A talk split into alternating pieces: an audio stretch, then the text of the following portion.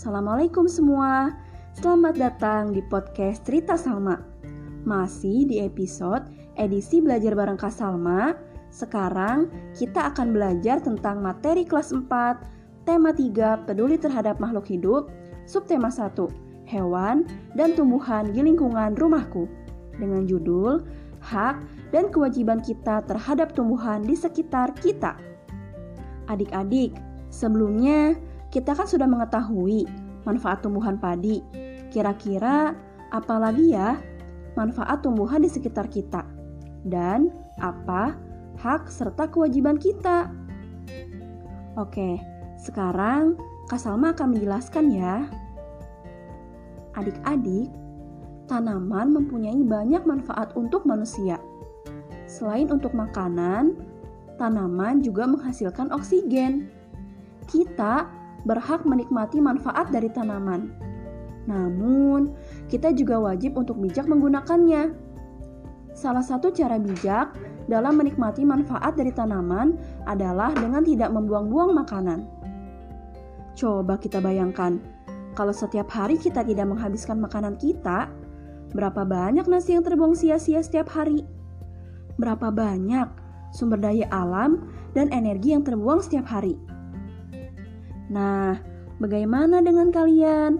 Sudahkah kalian memanfaatkan makanan dengan baik? Oleh sebab itu, kita harus berpikir sebelum membuangnya. Adik-adik, bijak memanfaatkan tumbuhan berarti kita menghematnya, tidak membuang-buangnya, tidak mengambil secara berlebih, dan tidak merusaknya. Karena ketika kita tidak memanfaatkan tumbuhan dengan baik, berarti kita sudah mengambil hak orang lain untuk menikmati lingkungan yang nyaman. Nah, adik-adik, kita kan sudah mengetahui bahwa kita sudah mendapatkan hak atas manfaat yang kita rasakan terhadap tumbuhan di sekitar kita. Di samping itu, kita juga harus melaksanakan kewajiban kita terhadap tumbuhan di sekitar kita. Kira-kira apa saja ya?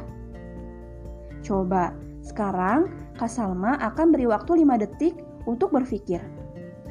1 2 3 4 5 Yaps, waktunya sudah habis. Benar sekali. Kewajiban yang harus kita lakukan antara lain adalah menjaga tumbuhan dengan merawatnya, tidak membuang-buang makanan, tidak mengambil secara berlebihan, dan tidak merusaknya. Jadi, mulai sekarang kita harus saling mengingatkan ya untuk peduli terhadap makhluk hidup, yaitu dengan menjalankan kewajiban kita terhadap tumbuhan di sekitar kita. Adik-adik, materi kali ini cukup sampai di sini ya. Semoga bermanfaat. Sampai jumpa di episode selanjutnya. Wassalamualaikum.